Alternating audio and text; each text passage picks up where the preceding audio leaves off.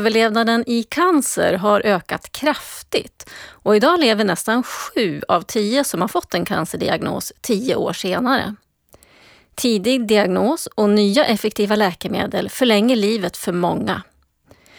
Men tyvärr fungerar inte behandlingarna så bra för alla. Ett ganska stort antal av de som behandlas får ingen effekt av ett cancerläkemedel, men kanske allvarliga biverkningar.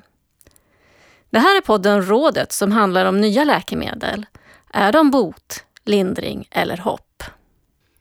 Karin Nordin heter jag och här har vi Freddy Levin som är överläkare i onkologi vid Jönköpings sjukhus och adjungerad ledamot i NT-rådet och dessutom ordförande i en nationell arbetsgrupp för cancerläkemedel inom det som kallas regionala cancercentrum. Hur är läget Freddy? Tack, det är väldigt bra. Mm. Det känns bra att vara här och få prata om de här sakerna. Okej. Okay. Vad betyder de här cancerläkemedlen som har kommit på senaste tiden och som kommer nu? Ja, en del av dem betyder ju väldigt, väldigt mycket.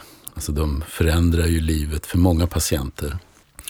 Och det är glädjande. Vi är alla glada över det. Och, och vi i, som arbetar med de här frågorna är naturligtvis oerhört glada att vi har kunnat delta i ett ordnat införande av de här läkemedlen.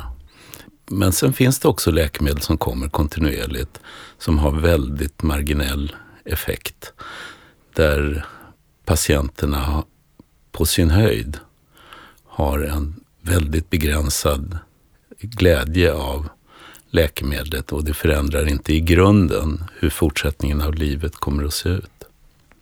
Okej, vi har också Sofie Alvelind här. Du är apotekare och koordinator i NT-rådet. Och det är NT-rådet som gör den här podcasten. NT-rådet är regionernas expertgrupp för värdering och prioritering av nya läkemedel. Hur stor del av de läkemedel som NT-rådet eh, tittar på handlar just om cancer. Jag skulle säga att det är en väldigt stor andel, åtminstone hälften. Och det beror ju dels på att det här är läkemedel som huvudsakligen används inom slutenvården och det är oftast där regionerna vill ha stöd med rekommendationer från NT-rådet för att kunna agera gemensamt så att det blir ett jämlikt och ordnat införande av nya läkemedel. Men sen är ofta de här behandlingarna kostsamma eh, och då behöver man en hälsoekonomisk värdering, så man vet att nyttan av läkemedlet är i proportion till det man betalar för och vinsten man får. Det är inte bara priset på läkemedel man tittar på, utan vad det kostar att behandla patienten och också de eventuella vinster man gör i det att man kanske sparar vårdtillfällen eller vad det kan vara genom att ge läkemedlet. Så man väger ihop då i en hälsoekonomisk värdering. Och det är viktigt då när det är läkemedel som kostar mycket. Men är det så att det händer väldigt mycket på cancerområdet? Ja, det händer jätte jättemycket. Jätte, jättemycket. Nya behandlingsprinciper och eh, nya cancerformer som kan behandlas. Mm. Hur jobbar ni i NT-rådet med när det kommer ett nytt läkemedel? Ja, en förutsättning är ju förstås att läkemedlet måste vara godkänt för försäljning i EU. Eh, och då är det ju EUs läkemedelsmyndighet, EMA, som gör en värdering av nyttan av läkemedlet i förhållande till risken. Men utöver det så måste man ju också veta eh, hur, eh, vilken nytta läkemedlet ger i, i förhållande till annan behandling som man redan har tillgång till. Också det här med de hälsoekonomiska aspekterna, vilken nytta ger i förhållande till kostnaden. Och det är den typen av bedömning som, som också behöver göras liksom för att samhället ska veta om det är en behandling man ska använda eller inte. Och det gör NT-rådet. Eh, och så har vi Mats Linderholm här, överläkare vid hospiskliniken Ersta diakoni, specialist i hematologi, det vill säga blodets sjukdomar. Välkommen hit. Tack. Du som arbetar med vård i livets slutskede, hur används de nya cancerläkemedlen där? Ja, jag jobbar inte bara med vård i livets slutskede utan även patienter med kronisk cancersjukdom som vi stöttar i hemmet och hjälper dem med biverkningar till exempel av läkemedel och andra symptom som man kan ha av sin sjukdom också. Sen jobbar vi också med patienter i livets slut också. Patienter som får behandling är ju oftast inte i livets slutskede. Det kan hända ibland att de får väldigt sena behandlingar. Men eh, den största gruppen patienter som jag sköter om, det är patienter som har mer kronisk cancersjukdom där man inte har en botande intention med sin behandling utan man försöker att bromsa sjukdomen. Har de nya läkemedlen förändrat högst påtagligt har de förändrat bilden. och eh, det är många patienter som tidigare hade en ganska dålig överlevnadschans kan nu leva under lång tid och man brukar mer och mer prata nu om kronisk cancer i grupper där man tidigare visste att patienterna inte kunde leva så länge. Används de för att lindra också eller? Ja, och det har det alltid gjort. Man kan till exempel strålbehandla eh, dottertumörer i skelettet med väldigt bra effekt på smärta till exempel. Och även annan cancerbehandling kan också vara lindrande om patienten har olika typer av påtagliga fysiska besvär av sin cancersjukdom. Man kan ha mycket vätska från i bukhålan eller i, i lungsäckarna till exempel. Och med en bra behandling så kan man då minska den här vätskebildningen och få sjukdomen att bli mera uthärdlig. Och det är de nya läkemedlen som funkar på det, det sättet också? eller? Det kan vara de nya, det kan vara de gamla också. Mm. Har du någon eh, situation du kan beskriva när du har hjälpt någon patient med de nya läkemedlen? Ja, alltså jag har jobbat mesta mitt liv i, inom hematologi, alltså i praktiken om mycket blodcancersjukdomar.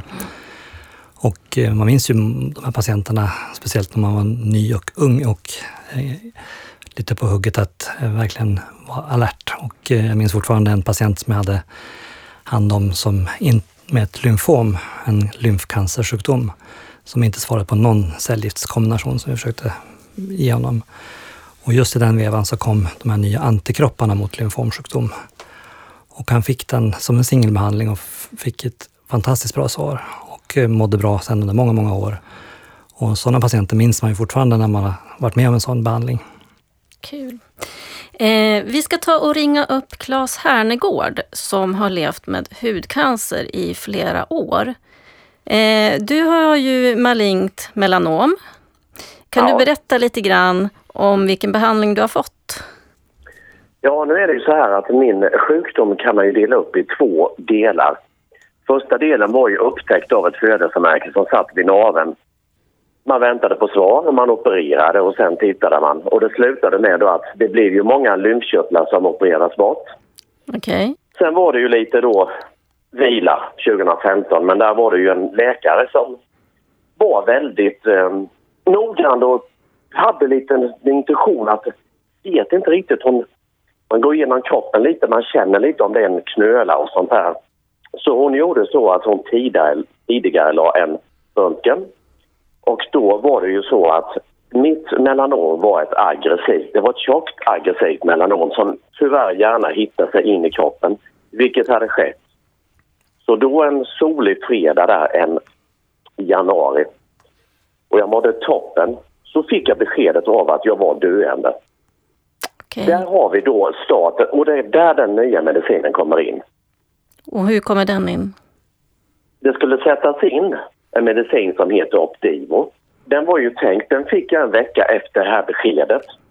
Planen var att det skulle då hjälpa immunförsvaret att angripa tumörerna, eller metastaserna. Mm. Sen var det ju då en, den var så ny, den här godkändes i, jag tror det var september, oktober 2015 i EU. Ja. Man hade då valt att köpa in den till mitt sjukhus och då kom den till sjukhuset i december 2015. Och sen var det bara någon månad senare så behövde jag den. Okay. Och det är ju ingen människa som, som tackar nej oavsett om det kan finnas ganska allvarliga biverkningar. Jag fick en lång, lång lista och det kunde ju vara dödliga biverkningar. Svåra inflammationer i tarmarna, allt möjligt. Men i det läget så säger man inte nej jag valde att gå vidare. Jag tänker väl så här då att eh, om man då får den här medicinen, det är ju inte billig heller i första skedet och då tyckte jag väl att det kändes ju nästan som om man visste att jag var kompatibel för vid tidigare tillfälle så sa ju min läkare att du har ett unikt immunförsvar och, eller immunsystem och eh, jag tror man hade goda förhoppningar att satsa på mig för att det skulle fungera. Hur har det gått då med det här läkemedlet? Jo, det gick så här. Det, det heter som sagt var Optiv och är tänkt att det är PDS-hämmare och det är ju då ett protein som stoppar broms, bromsen i immunförsvaret. Och det förklarar de här nu på Nobel. Mm, det är den mekanism som fick, belönades med Nobelpriset Ja, det är ju det att man, man, man stoppar mm. bromsen då. Det är som en Man sätter en tegelsten i bilen där under bromsen. Så går det inte att bromsa utan den, den skjutsar ut. Vi talar inte om en överlevnad. Vi talar inte riktigt där vi börjar så får vi se. Men tanken var väl kanske att det här skulle vara palliativ och jag säger så då att jag hörde någon tidigare i programmet sa att är man gammal så kanske det då är svårare om det skulle ge biverkningar. Om man får ett par månader till. Mm. Men eh, jag var ju beredd. Är man i det läget så tror jag att man vill gärna ta ett par månader till eller sådär. Mm. Men sen är det ju så här att det funkar inte på alla och det kan jag inte förklara än. Men det är fyra, fem av tio som det fungerar på. Och man jobbar ju för att alla ska få en, att, att det ska svara då. Du är en av dem som det funkar på då? Jag tror det var tre månader efter att man satte in det här. Så gjorde jag ju en röntgen och sen fick jag ju svar på att jag hade ju här nere vid, det är ju runt eh, bäckenbenet och det satt ju metastaser där och i mjukdelarna i ljumskarna och sånt här. Och det hade vandrat upp här på ryggen ganska högt upp. Vid det tillfället så, det, det var nervöst att träffa läkaren men det hade helt enkelt visat sig att på tre månader så hade det slagit tillbaka, ja vad kan vi säga, tre fjärdedelar tror jag. Mhm. Så jag har väl dragit en riktigt stor vinstlott, det vill säga resultat, positivt resultat och inga biverkningar. Nej. Hur, hur många behandlingar har du fått? Jag fått, jag var uppe, jag är uppe i 62 eller 63 blev det till slut. För jag, hade, jag fick ett litet bakslag här nu i april. Det tar lite tid att se om det är oförändrat. Men jag fick en, fick en tumör på min binjure, den vänstra. Då beslutades det att jag skulle upp och stråla uppe i Stockholm på Radiumhemmet. Den hade man ju lyckats ta koll på och det andra var oförändrat.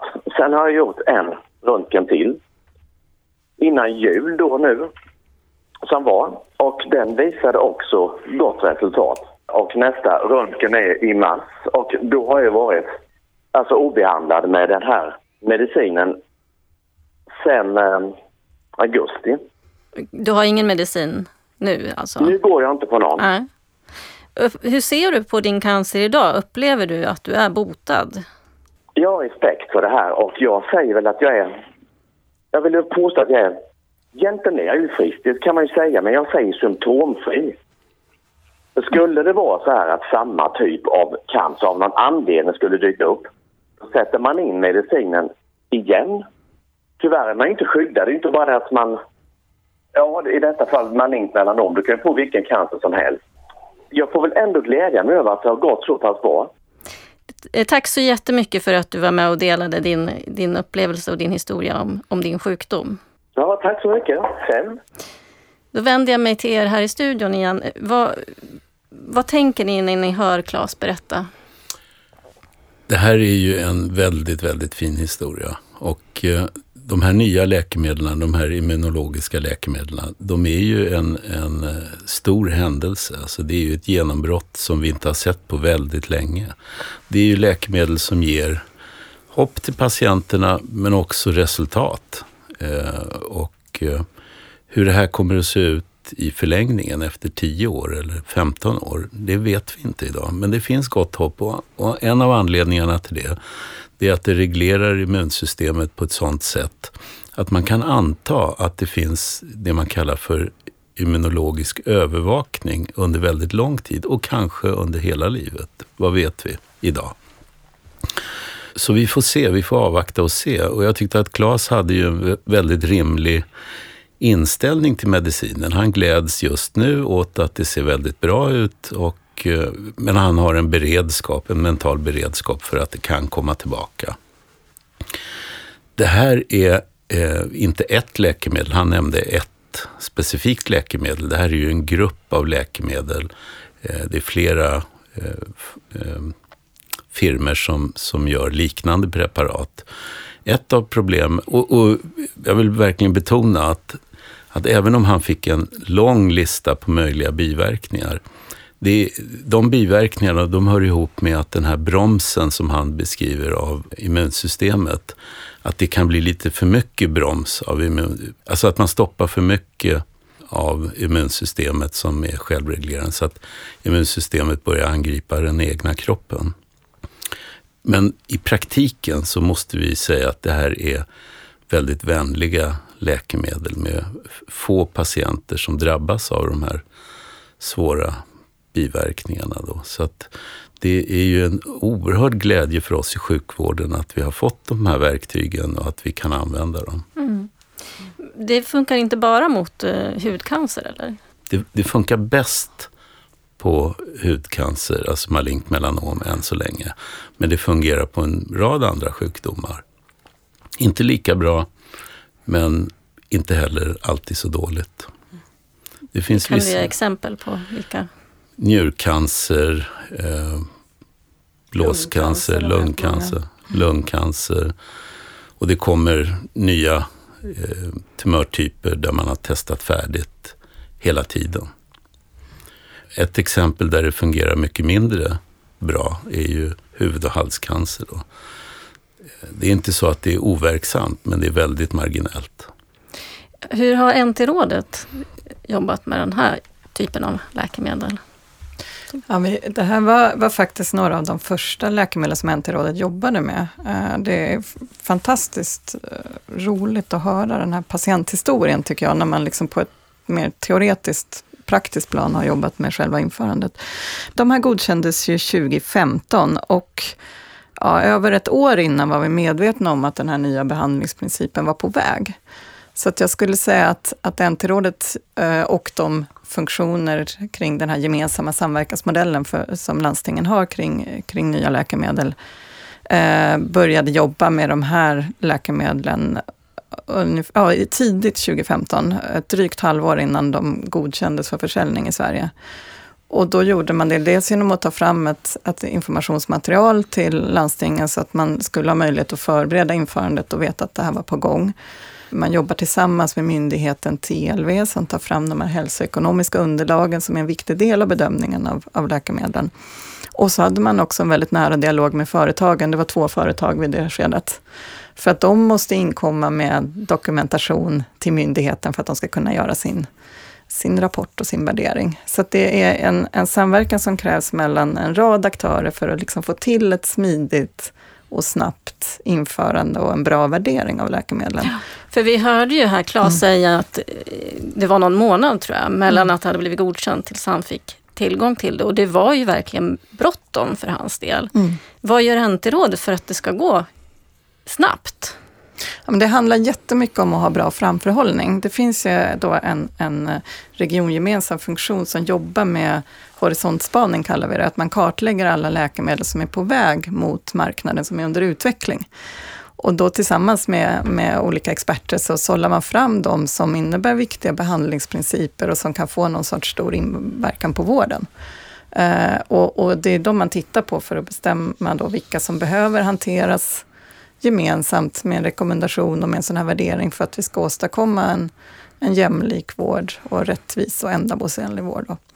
Så att därför så, så oftast ett halvår innan ett läkemedel blir godkänt för försäljning så vet man om att det här är på väg, det är viktigt. Och då gäller det att börja jobba ihop med de andra aktörerna. Och så gäller det också för, för eh, eh, den här patienten berättar ju att, att hans region var snabba att köpa in läkemedlet. För det räcker ju inte med att NT-rådet talar om för regionen att man rekommenderar att det används, utan regionerna måste ju också vara på och vara medvetna om det här och ha utrymme för det. Okej. Okay. Får jag, eh, Karin, uh. får, får, jag ta upp en mm. sak som, som Claes sa, som jag uh. eh, hakade på. Och det var det här han sa så här att om man tror att man kan erbjuda några månaders förlängd överlevnad så är man beredd att ta alla biverkningar som räknas upp i, i, vid läkarbesöket. Det här är en väldigt, väldigt viktig punkt. Därför att eh, man är i en, i en oerhört speciell situation när man får det här beskedet och ungefär samtidigt som man får beskedet att man har en, en eh, potentiellt obotlig situation så får man ju också ett behandlingsförslag eller man får information om de möjliga behandlingarna som finns. Och i det läget så är naturligtvis skräcken för döden eh, större än skräcken för biverkningar. Men där är det ju väldigt viktigt att vi inom sjukvården på något sätt försöker balansera de här två skräckerna med varandra. Och det är otaliga fall, det är verkligen otaliga fall där patienterna efter behandlingen, när sjukdomen kanske inte svarar eller börjar växa igen, säger att nej, det här var inte värt det. Hade jag förstått hur det skulle vara så skulle jag aldrig ha gått med på den här behandlingen. Och det, det är så smärtsamt som doktor att eh, höra det här. För man skulle vilja säga, vilket man naturligtvis inte gör, vad var det jag sa? Eh, så att... Eh, mm. Vad, hur tänker du om det Mats? Jo, jag tycker också, precis som Freddy säger, att eh, det går inte att backa bandet. Eh, och många patienter tänker verkligen så att de är beredda att ta vilket problem som helst. Och när det gäller Klas situation, han har ju verkligen dragit en, en lyckovinst. Verkligen. Han har fått en jättebra effekt och minimala biverkningar. Och det är så man vill att det ska vara för alla. Men så är det inte för alla och han tog ju själv upp siffror där att fyra, fem patienter kanske svarar och fem, sex svarar inte. Men alla, alla tio då, de som utsätts för behandlingen eller får behandlingen, de riskerar ju biverkningar vare sig man får effekt eller inte. Så det är många patienter som riskerar biverkningar och en andel som får nytta. Och därav, och tillsammans med att det är kostsamma behandlingar, så är det otroligt viktigt att man hittar bra metoder att förutsäga när man kan få en nytta eller inte. Och det där eh, har man ofta kanske inte så stor kunskap om när läkemedlen kommer på plats från början. Men just det här problemet med de svåra biverkningarna, det tror jag inte man som patient kan föreställa sig riktigt fullt ut. Och man är inte riktigt eh, där har läkaren ett tungt ansvar att verkligen råda patienterna på ett klokt sätt. Och jag har själv varit med om situationer när jag har tänkt en sak och rått patienten till en sak, och kanske blivit övertalad att välja en annan väg mera intensiv behandling, som man verkligen har själva ångrat sig att man inte stod på sig bättre från början. Okej. Okay. Varför blev det så då? Ja, alltså när det är Klas så var han ju väldigt tidig i sin behandlingsfas. Mm. Han har ju inte utsatts för så mycket behandlingar tidigare och då, då tycker jag då är det större skäl att man ändå ger en behandling som ändå verkar väldigt lovande. Men sen när sjukdomen fortsätter och återkommer gång på gång kanske, då är ju kroppen redan skadad av både sjukdom och behandling. Och då måste man vara mycket mer försiktig med att mm. utsätta patienten för stora risker för svåra biverkningar. För då är det ofta så att det är mycket mindre chans att få ett bra svar oavsett vad man gör. Jag tänkte på det du sa att ibland har jag eh, gett patienten en behandling fast jag egentligen har känt att det var kanske inte rätt väg att gå. Mm. Varför blev det så då?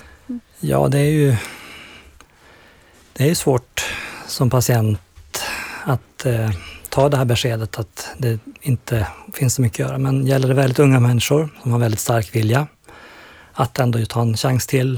Eh, en närstående som är väldigt pådrivande kanske också och tycker att det är värt att ta alla chanser att gripa de sista halmstråna. Så som läkare så kan man ju aldrig riktigt helt utesluta att man kan få en tillfällig kortvarig nytta. Och det har varit tillfällen då man då har blivit övertalad eller i en diskussion, en längre diskussion med patient och närstående så, så har man valt att ändå göra ett försök till. Och man ska väl tillägga att patientens önskan är ju väldigt viktig i de här situationerna och vi, vi, vi ska ju, om det finns bevis eller evidens som vi kallar det för, för att det kan fungera, så ska vi lyssna på patientens önskan. Men vi, vi, vi har ju verkligen en skyldighet att dela med oss av vår kunskap och erfarenhet på ett sådant sätt så att patienten har möjlighet att fatta ett klokt beslut. Och, eh, jag, jag har en observation under alla år att eh, patienter som har anhöriga med sig i samtalet, vilket ju vi vill. Vi vill ju att anhöriga ska vara med som stöd. Men anhöriga är ofta väldigt angelägna om behandling och inte så sällan mer angelägna än patienten själv. Och patienten vill inte svika de anhöriga. Och det här är, jag har inga siffror på det, jag har inga, det finns ingen studie på detta utan det är ett kliniskt intryck då, men det är ett ganska starkt kliniskt intryck. De anhöriga tror att, att de, de, den sjuka klarar mer än Ja, de anhöriga vill att eh, patienten ska kämpa, Mm. inte ge upp. Så kan det absolut vara. Jag instämmer helt i Mm. För, Och det är ju patienten som ändå känner sin kropp väl. Man känner ju som patient att man har nedsatt ork och att man inte riktigt klarar av och biverkningar är jobbiga att bära. Men eh, det gör ju inte närstående på samma sätt utan eh, de är så angelägna och månar så mycket om sina sjuka anhöriga att de eh, ändå vill att man ska kämpa vidare så att säga vad är det för typ av biverkningar vi pratar om här? Ja, inom hematologi som jag har jobbat så är ju det ganska tuffa behandlingar ofta. Om man tänker akut leukemi så är det väldigt kraftfulla behandlingar som ofta ligger väldigt nära det som kroppen kan tolerera och uthärda. Och det blir nästan regelmässigt biverkningar som kräver långvarig sjukhusvård. Speciellt om patienten har varit med om många behandlingar tidigare också. Och jag tänker på det här vi pratade tidigare om att avråda en patient från fortsatt behandling så minns jag så väl en ung man som efter väldigt långa samtal med både patient och föräldrar så valde vi att ändå ge en behandling till och han eh, lades in på sjukhus och han dog efter kanske bara tio dagar efter den här behandlingen. Och det, det kände jag, det var inte alls bra gjort av mig. Men närstående var nöjda ändå för hon tyckte att han hade fått en chans ändå. Han själv ville ju ha den här chansen. Det enda goda jag gjorde, eller inte det enda, men en av de goda sakerna var att jag ändå rådde honom att göra en resa som de hade planerat innan behandlingen. Så de kom iväg, hela familjen tillsammans på en resa.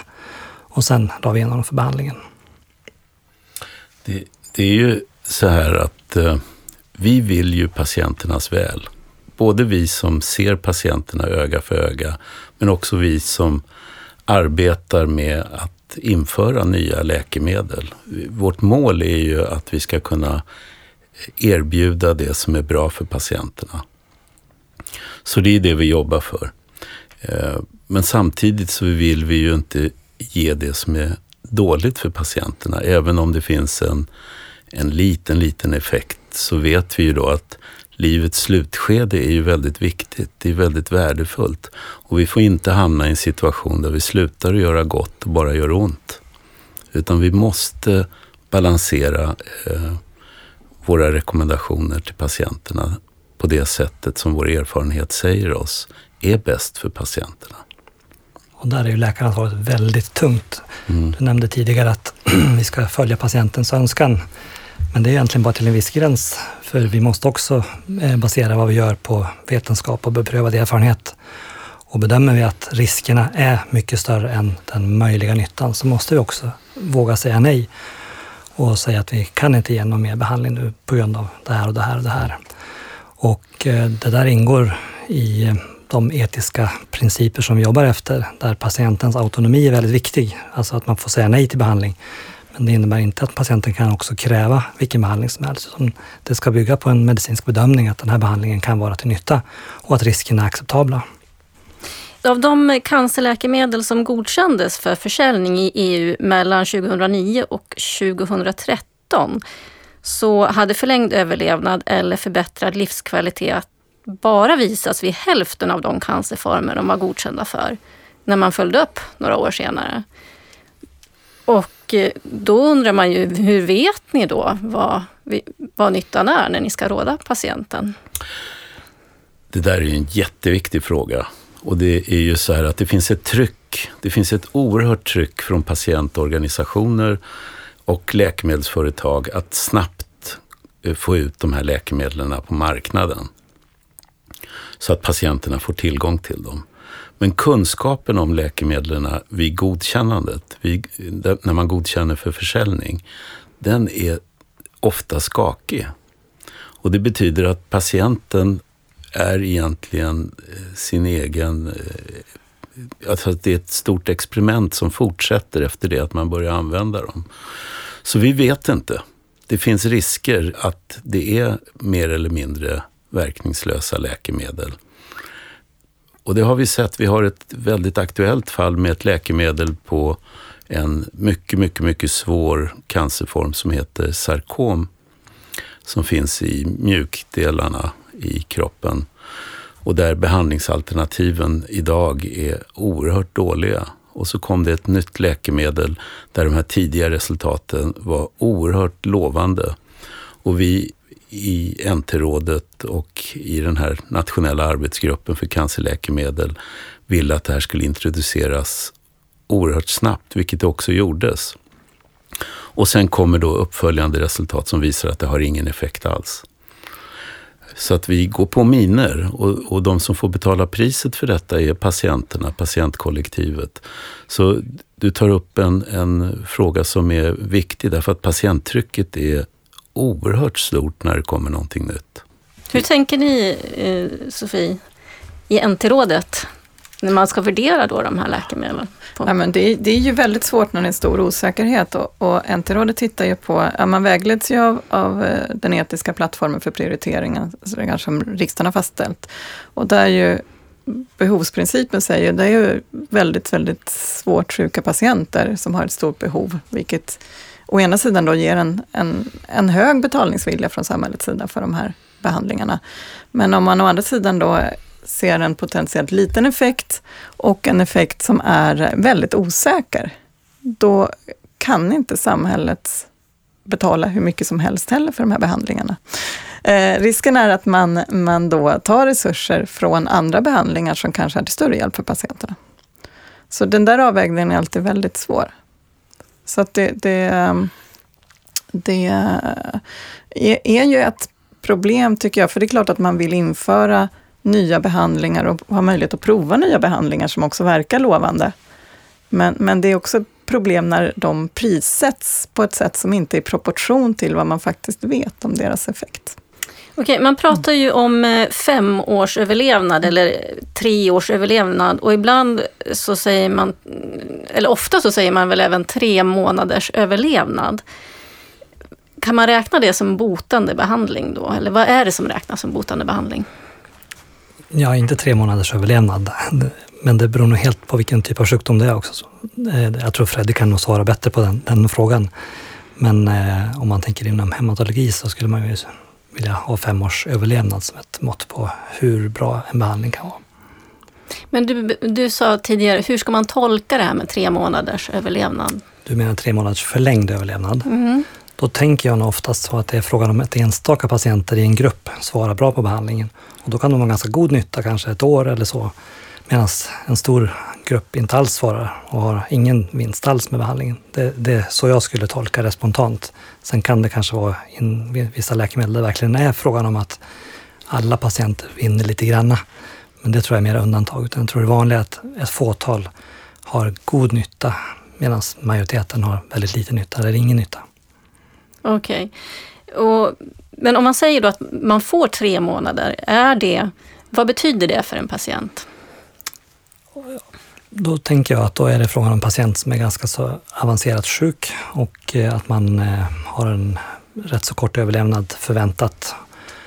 Eh, om de inte, behandlingen innebär svåra biverkningar så kan ju tre månader vara en värdefull förlängning där man kan få en sorts landningssträcka att hinna planera lite för framtiden. Att kunna vara med om några saker som känns viktiga i livet. Att man sätter lite nya mål, kortsiktiga men ändå nya mål.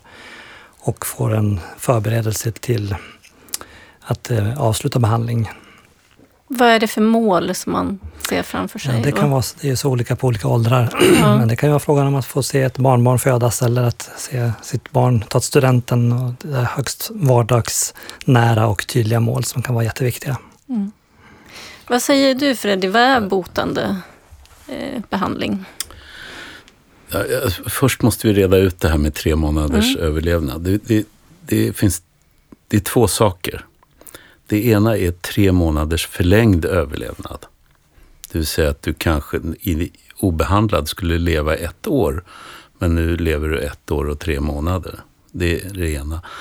Det andra det är liksom hur många lever tre månader efter det att behandlingen har startat. Det är någonting helt annat. Då. Men på din fråga, vad är botande behandling? Ja, alltså vi ska ju alla dö någon gång det är en, det, vi kan definiera det som vi vill. Vi har ju i det här landet valt att definiera femårsöverlevnad som någon typ av markör för bot. Och det är inte så konstigt i de flesta tumörformer därför att de återfaller inom de närmaste åren, de närmaste två till tre åren. Sen finns det undantag. Det finns eh, sjukdomar som där patienterna återfaller, eller sjukdomen återkommer efter 10 år, 15 år. Bröstcancer är ju ett sådant exempel. Och det finns eh, säkert andra. Eh, så femårsöverlevnaden är ett, i vissa fall i alla fall, eh, förrädiskt mått på bot. Men det är det bästa vi har just nu. Då. När det gäller huvud och halscancer så kan man säga att ingen patient som inte fortsätter att röka i alla fall återfaller efter tre år. Det, det förekommer i princip inte. Alltså alla återfaller? Alla som återfaller, Aha. återfaller inom de första tre åren. Okay. Så har du inte fått ett återfall inom tre år så får du det inte. Under förutsättning att du inte röker då. Det som du pratar om, tre månaders förlängning av livet. Det är ju inte alltid att det blir så. För ger man en sen, sen behandling så riskerar man också att man avlider snabbare på grund av behandlingen också. Och det kan man se ibland. Och ett tydligt exempel på det, det är en bra studie när man har eh, på lungcancerpatienter som man kopplar in palliativ vård primärt när man har en avancerad sjukdom. Så lever de patienterna faktiskt längre om de också får palliativ vård parallellt. Alltså en stödjande vård parallellt. Och delvis tror jag att det beror på att man ser också att de har färre sena, sena behandlingar. Och jag tror att det kan vara någonting som bidrar till den här förlängda överlevnaden. Utöver att man kanske får en bättre symptomkontroll och patienterna har en bättre livskvalitet också om de har ett stöd av en palliativ vård. Så jag ser att palliativ vård nu allt mer bör bli en, ett komplement, en medspelare till den aktiva onkologiska hematologiska vården tidigt hos patienter som har avancerad sjukdom. Vad, vad är den palliativa vården här? Vad är det för stöd? som... Ja, det innebär att patienten eh, det, det, den ser hemskt olika ut i Sverige, mm. så att det mm. varierar väldigt mycket över landet. Men här i Stockholm har vi en ganska väl utbyggd avancerad hemsjukvård. Och då gör man så att man patienten, eh, man kan ta prover hemma, man kan ge antibiotikabehandlingar hemma, man kan ge blodtransfusioner hemma, så man kan ge all möjliga stöd för att patienten ska slippa vara på sjukhuset så mycket. Och man kan också ge bra smärtbehandling och illamåendebehandling, eh, orosbehandling och sånt som patienten har, har det jobbigt med. Så att det är all typ av stödjande vård som man kan ge för att patientens livskvalitet ska bli så optimal som möjligt. Näring är viktigt och det finns många saker som man kan hjälpa till med. Ja. Men det är också viktigt att det finns en bra kommunikation mellan den antitumorbehandlingen och den palliativa vården så att man inte överbehandlar patienterna i livets slutskede. Mm. Och man ska komma ihåg att överbehandling av patienter är ett etiskt bekymmer, minst lika stort som underbehandling. Så att det är oerhört viktigt att vi tänker på att överbehandling eh, inte är etiskt korrekt alltid. Nej. Eller det är aldrig etiskt korrekt. Där, på grund av biverkningarna då? Eller? Ja, och brist på effekt. Alltså du, där patienten är i ett sånt dåligt skick och det är eh, det jag lite vulgärt brukar kalla för desperationsonkologi. Man vill försöka någonting därför att man känner att man som doktor eller ja, att sjukvården vill göra allt. Man vill göra allt. Men det är inte säkert att det är till patientens glädje. Nej, och det handlar inte bara om biverkningar heller, utan nog så viktigt tycker jag det är att man ger patienten en möjlighet att få förbereda sig på att den här behandlingen, sjukdomskontrollen, inte kommer att hålla längre.